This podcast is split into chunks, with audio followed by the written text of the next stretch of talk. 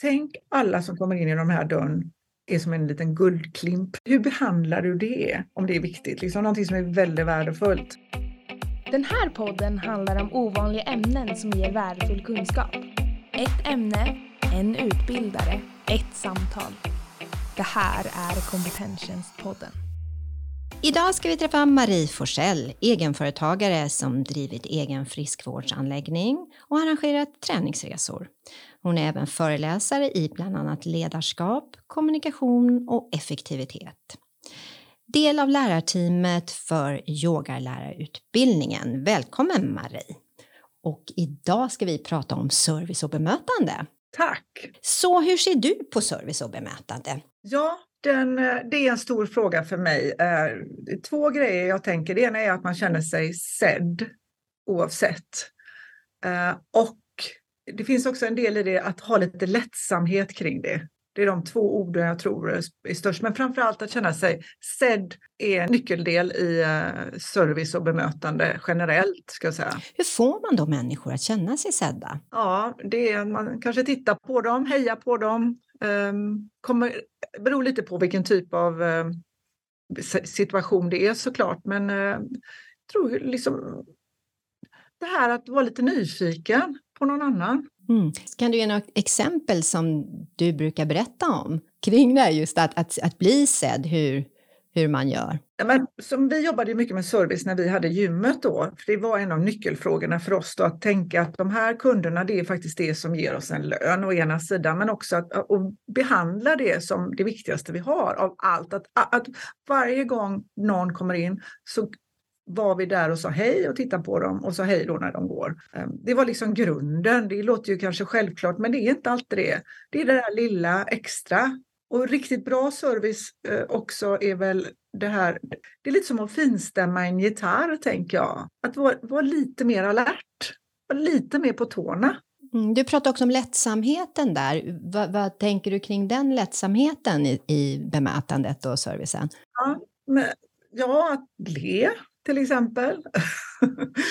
um, att, ja, det beror lite på situationen så det inte blir inautentiskt, men att säga någonting. Är det någon du känner lite grann, att säga någonting om stunden när, det, när vi möts då? Är det någonstans när jag kommer in på ett hotell, aldrig, aldrig träffat eh, personen som står bakom receptionen, så är det skillnad för mig som i det fallet då är kund, tycker jag, om någon gör någonting litet bara kring att jag spelar roll. Så. Mm. Absolut. Ja. Du pratar ju där om att vara autentisk. Ja. Så hur lär man sig det? Ja, det är, där tror jag lyssnande, att alltså på något inte lyssna så, men att vara, vara i ett space av tillgänglighet i stunden utan att ha en egen agenda. Eh, jag tänker kring service är det mycket, det är viktigt att man har vissa ramar vad som gäller också. Var går gränsen liksom när någon går över gränsen och sådär. Men ibland också kanske gå utanför de ramarna. Jag, hade, jag kan ta ett exempel. Så här bara, jag hade en kund en gång som kom till gymmet för sent. Och då hade vi en regel att om han kommit för sent så ska de in på ett spinningpass så får man inte komma in för då stör man alla andra. Hon var tio minuter sen.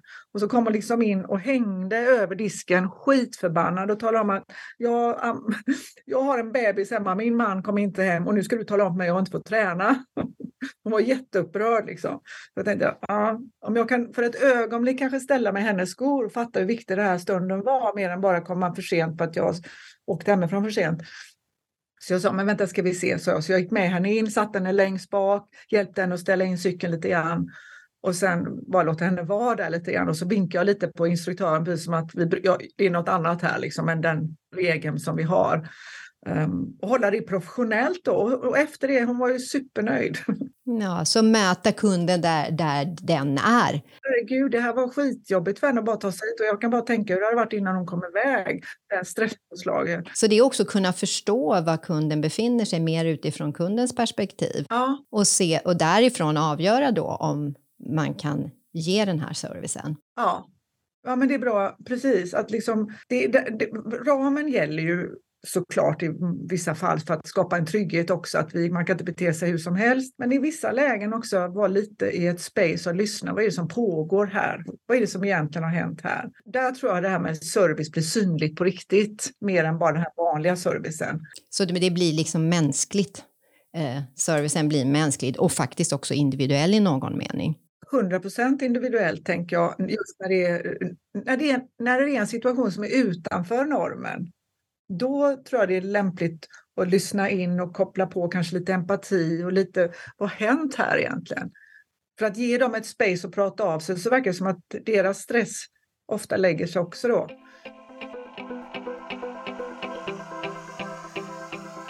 Så det är någonting med finlivet. Jag bor ju mycket på hotell och jag har bott på ett hotell jättemycket i Stockholm för jag är där jätteofta. Eh, och nu sist när jag var där då så blev jag så här. Hej och välkommen säger de så här. Är det första gången du är här? Jag bara känner, då tappar jag liksom det autentiska. Har de ingen koll på vem jag är ens? Jag har bott här 30 nätter nu. Då tyckte jag att det, det, hon var jättetrevlig och jättegullig och sådär men hade noll koll på, på liksom att ha lite koll i datorn åtminstone, tänker jag. Man behöver inte komma ihåg precis, det är inte säkert det är samma person, men det finns någonting där som skaver för mig då. Mm. Så vad skulle du säga är, är som viktiga punkter i service? Eh, för du har ju själv haft anställda och, och, vad har du sagt till dem? Hur har du eh, fört vidare vad god service är? Så jag sa till mina, mina medarbetare att tänk alla som kommer in i de här dörren är som en liten guldklimp. Så var liksom grundläget.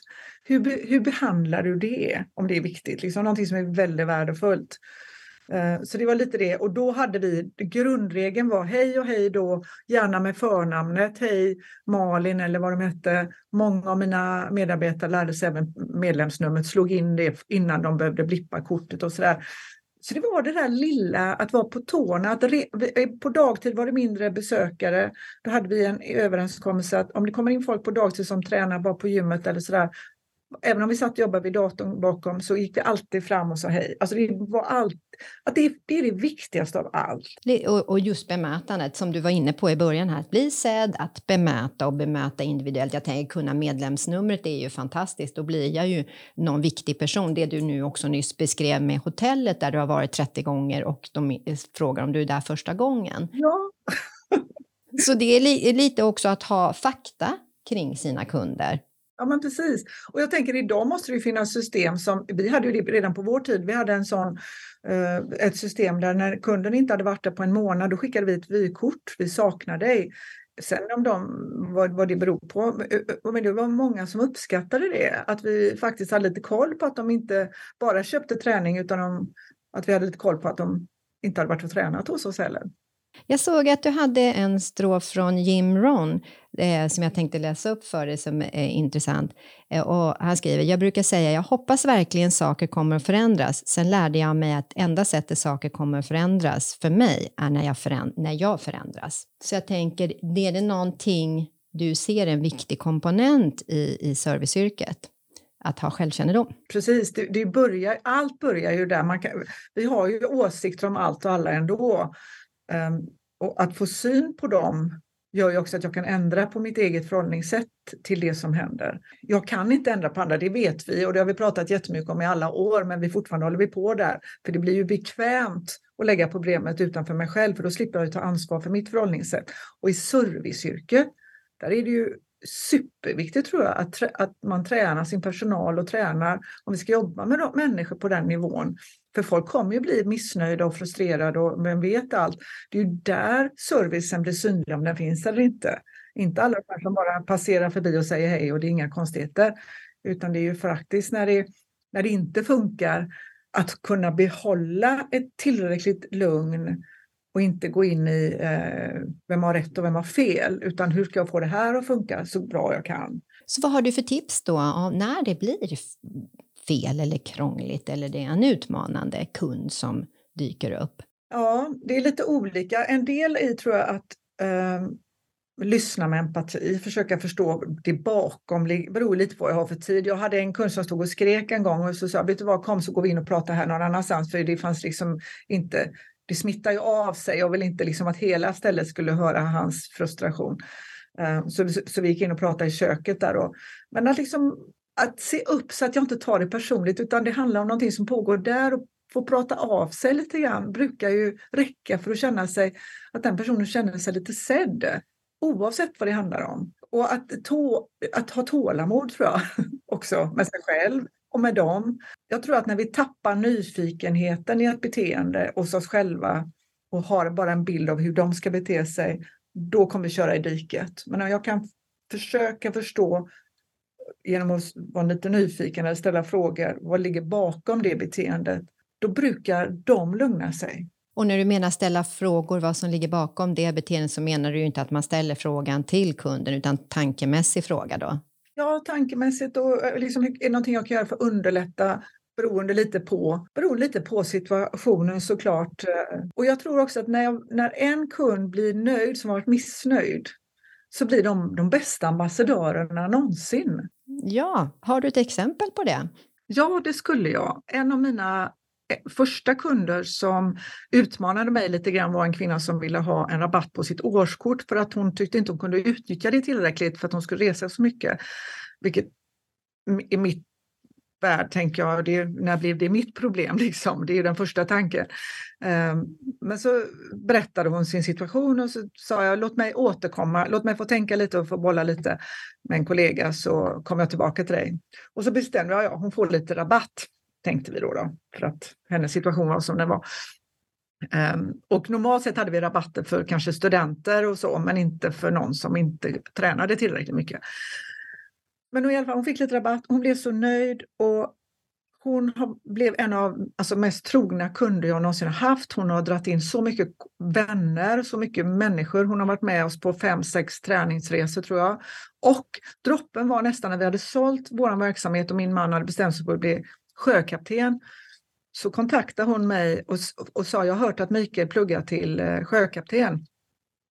Eh, och, vi, och jag hade ingen aning om vad hon och hennes man höll på med. Och då sa hon, ja, vi har ju ett stort rederi i Norge och vi behöver personal.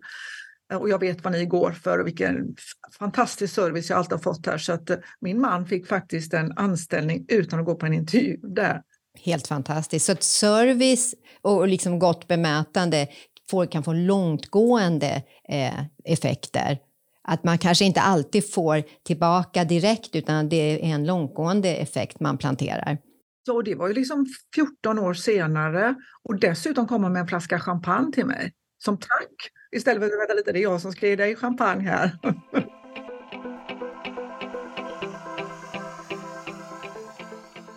Ja, fantastiskt, vilken fin berättelse. Ja, den är, den, den, för det tal, alltså, grejen är också när det gäller service, det är att egot blir ju lite den delen i dig som känner, vänta lite, nu, går du, nu, nu, nu trycker du på alla mina knappar här.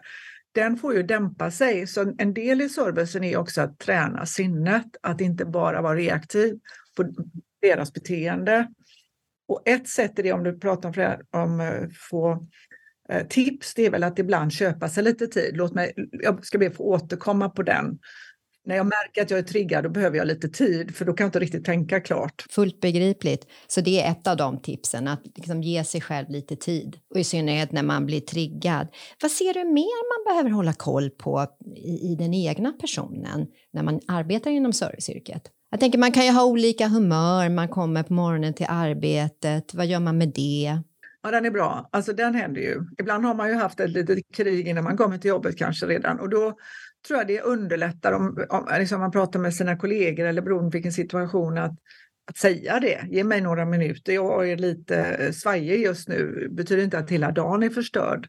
Men om du inte säger någonting, om du inte liksom, om du undviker att heja eller sådär, utan att säga någonting om det, då tror jag att det finns en risk att de antar att det är dig du är arg på eller att de, jag har gjort dem någonting. Eller så, här. så jag tror att äga mitt förhållande, alltså inte som att jag ska fixa mitt humör, men att äga mitt humör i det tillstånd jag befinner mig i underlättar för alla, för vi har alla svackor och det går upp och ner. Absolut, vi är mänskliga. Så jag tänker, så det du säger är liksom att eh, kommunicera med, med sina kollegor, ventilera lite och sen någonstans äga det men inte föra över det. Exakt, inte äga, eller äga det, inte föra över det och, och inte äl, alltså, vi, När vi är på dåligt humör så tenderar vi att älta mer också vi kommer ju inte fram till lösningar då, utan då, ska, då är det bara allt annat som är fel på. Det är fel på trafiken, det är fel på vad det nu är. Men är jag på gott humör så har jag ju en, samma situation till sig väldigt annorlunda där. Då är jag ju mer lösningsfokuserad än att ha rätt-fokuserad. Ja, men precis. Och ibland så när man ger service så kan det ju vara oerhört stressande. Så hur, hur eh, förmedlar du, vad, vad ska man tänka då, tänka då när, när det är stress? Alltså, det jag tänker då, jag, nu försöker jag tänka hur det var då, för det var ju så ibland, det hände ju jättemycket grejer, framförallt på kvällarna där kom mycket folk och, och så pajade någonting eller så. Det är att, att säga, jag kommer alldeles strax tillbaka, alltså bara säga någonting, ge mig bara en minut eller beroende lite på att så gott du kan välja prioritera rätt i stunden. Men men jag tror egentligen handlar det om hur kan jag köpa mig lite tid så att jag kan ta en sak i taget här. Snarare än att försöka beta av allt och så skälla på folk för att de stör mig, för de borde se att jag har fullt upp. Den brukar inte funka särskilt bra. Den blir ju en trigger hos dem då såklart. Ja, men precis. Så det är mycket som handlar om att, som du säger, köpa sig lite tid eller öppna ett tidsutrymme för att andas och, och kanske reglera det som har blivit fel.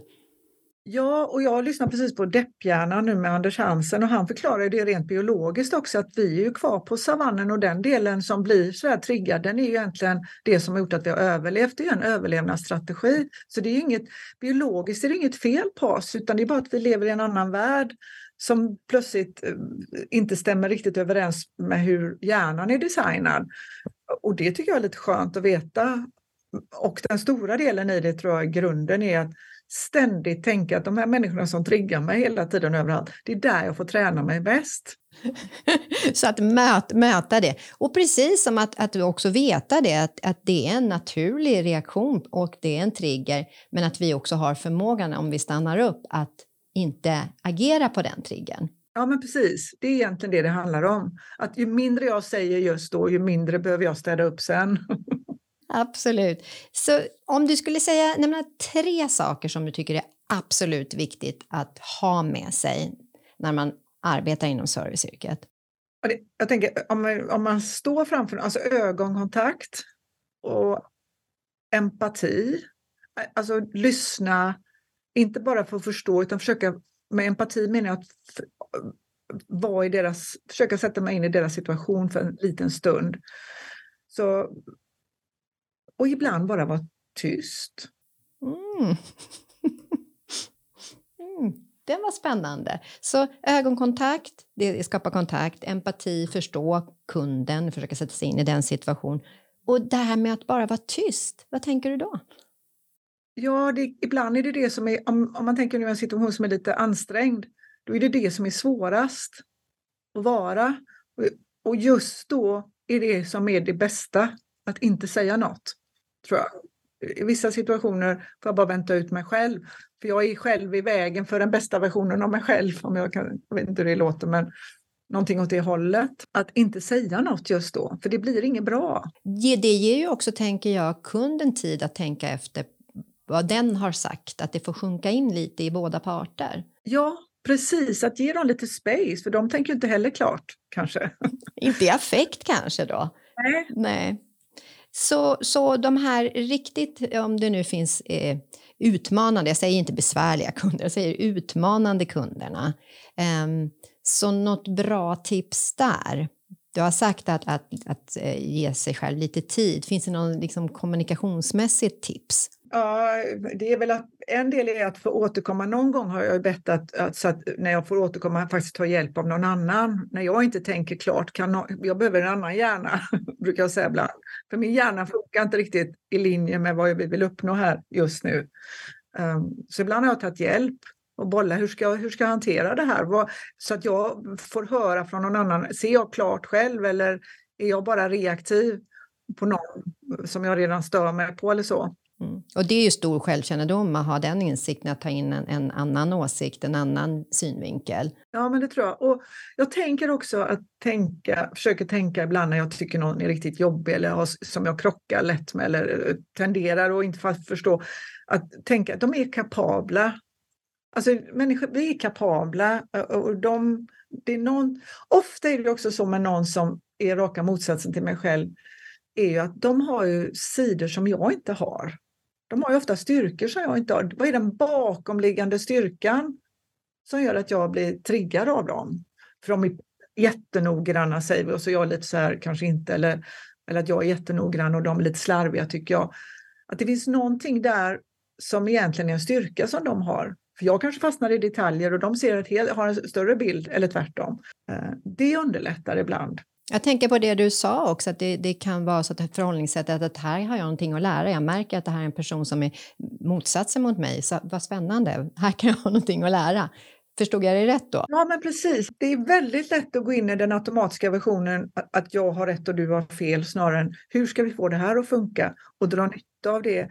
För när jag skiftar vad jag ser hos någon, om jag, skift, om jag ser någon som är jobbig eller gnällig eller uh, beter sig på ett sätt, då blir jag ju reaktiv på det automatiskt. Om jag kan pausa mig själv lite och tänka vad är det här som pågår där och se någon som är stressad eller rädd eller orolig, då skiftar jag ju mitt beteende automatiskt när jag ser samma beteende fast från ett annat ställ, eh, ljus, andra glasögon. Och när jag gör det och bemöter från någon som är rädd eller osäker, då skiftar de. Det är som att, det är som att de känner sig hörda tror jag.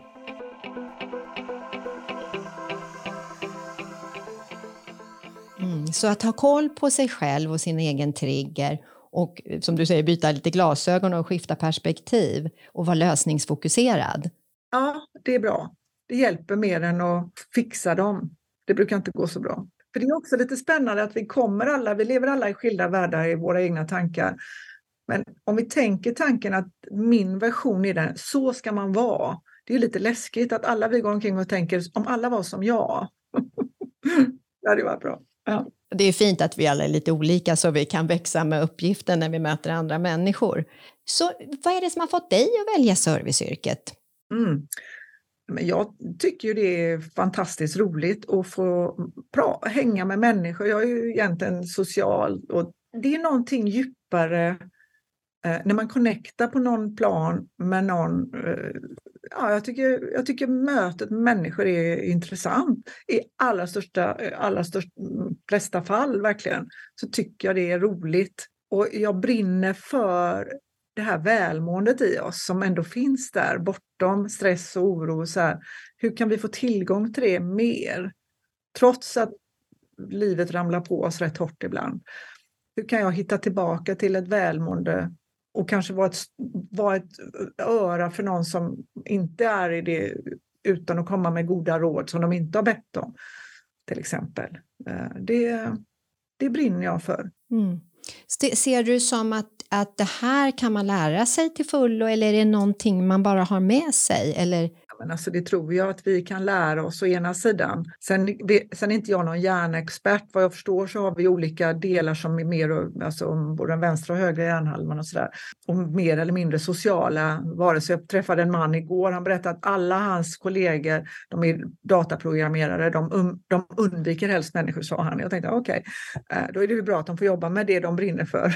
Så jag vet inte på vilk, var gränsen går där, men jag tror till viss del absolut att vi kan lära oss eh, att, hur vi kan vara, det, det, det tror jag. Så det finns vissa, det du beskriver, det finns vissa ramverk man håller sig inom som behöver vara tydliga, men, förstår jag, men ibland behöver man gå utanför de ramverken. Jag hör också att du säger att det är viktigt med självkännedom, att, ge, ja, att veta hur man själv reagerar och om det är så att man inte, precis som vi alla människor är, vi mår inte alltid bra, att vi då kan kommunicera med våra kollegor och sen äga det utan att föra vidare det då och ta den här också lilla pausen när vi känner att vi blir triggade som, som är viktiga komponenter i, i service och bemötande. Tänker du på något mer? Uh, ja, att jag tänker på Björn Natthiko Lindeblad eh, som var munk och dog här för några år sedan. Eller för något år sedan, eller i år kanske till och med, hur som helst. Han pratar om det här, eh, jag kan ha fel Han har skrivit en bok och i den bland annat pratar om att tro inte på allt du tänker. Det tycker jag är en väldigt värdefull mening. Att inte automatiskt tro på allt som hjärnan kommenterar här uppe. Det är någonting att upptäcka hur snabbt det går det här att inte bli dina tankar utan att få syn på dina tankar som någonting som du kan kanske zooma ut från ibland. Men det tar något, du vet, ibland. Mm. Ja men absolut, att arbeta med människor. Men jag tänker just det du beskriver där, Björn Attiko, just det här att eh, jag kan ha fel.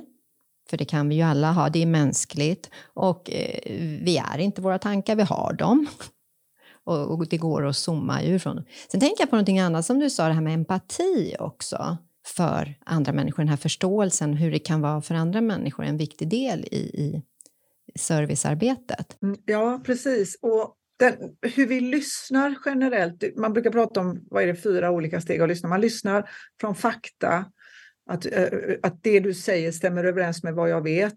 Och sen från fakta, det du säger Eh, stämmer inte överens med vad jag vet. Och sen pratar man om att lyssna med empati och sen lyssna som ett öppet hav.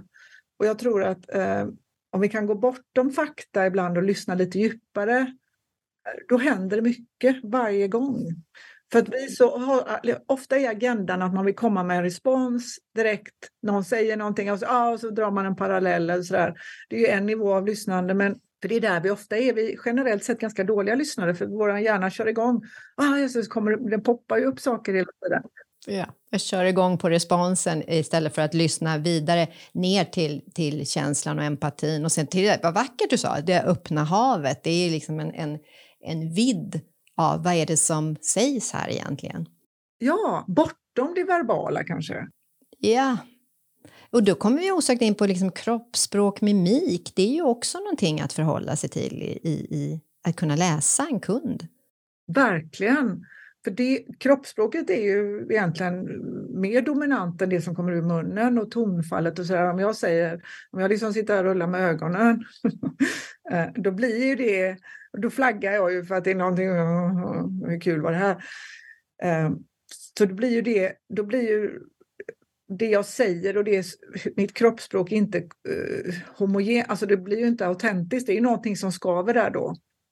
Och i kommunikation, framförallt om det redan är lite skavigt, så är det ju lämpligt att inte Ja, det var ju bra. Alltså att det du säger hänger ihop med ditt kroppsspråk så att det blir äkta då. Det, det är svårt nog att kommunicera kan jag tycka att ha koll på sitt kroppsspråk. Men det är också en tillgång att kunna läsa av en kund väldigt tidigt.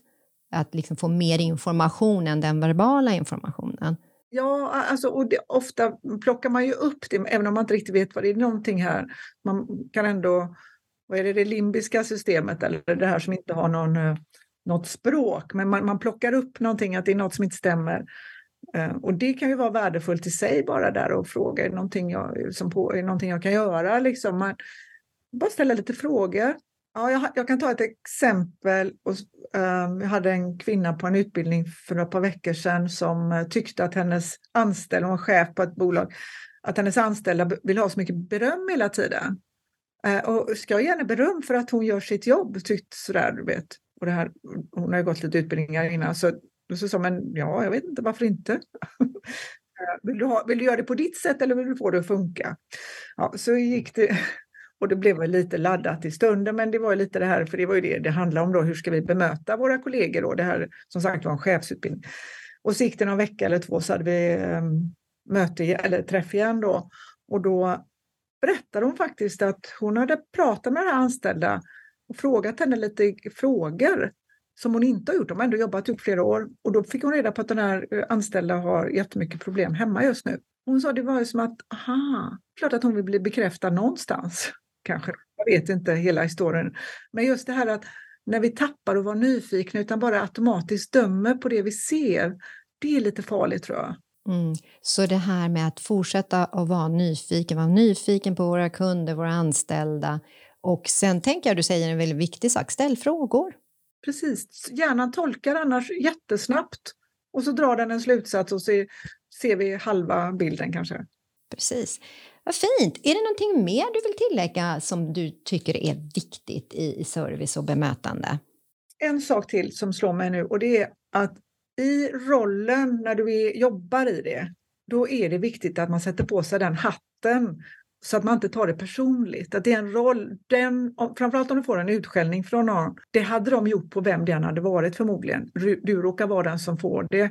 Så ju mer vi kan separera rollen från mitt personliga i stunden så tror jag det underlättar när det är skarpt läge lite grann. Och det hänger kanske också ihop med, har jag en dålig dag så lämnar jag det och sätter på mig hatten som servicegivare och om det blir en svår kund så så får jag liksom ha den rocken som skyddar mig mot. Det är inte personligt utan det är mer rollen som får ta det.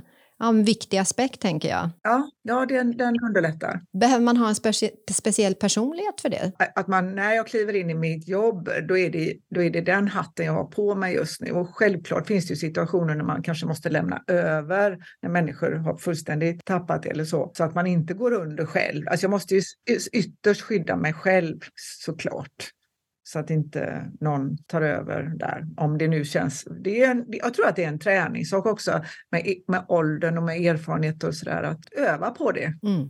Vad skulle du säga blir skillnaden om man alltså utbildar personal eh, i service och bemötande? Vad är det man får på köpet när man får en sån utbildning?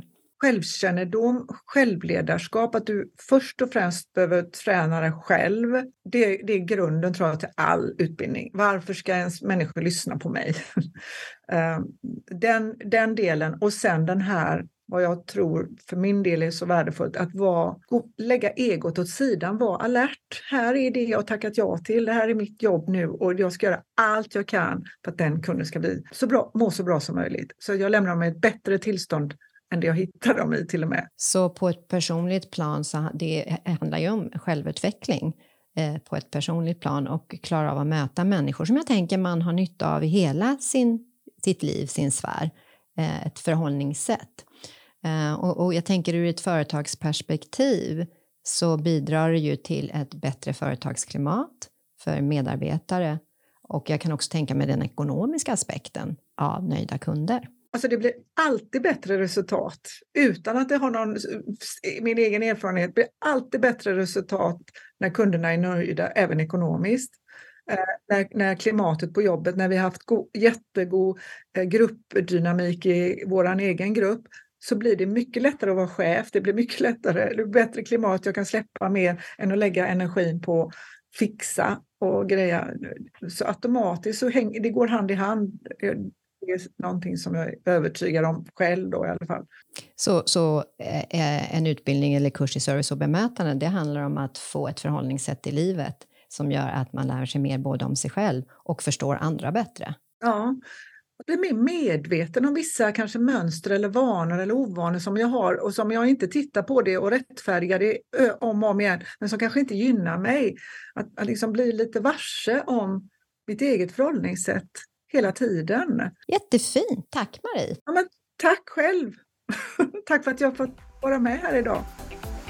Utgivare av denna podd är Kompetenstjänst. Ett utbildningsföretag som erbjuder utbildningar och föreläsningar för fortbildning inom offentlig sektor. Så missa inte den korta versionen av detta avsnitt för ännu mer tips och kunskap.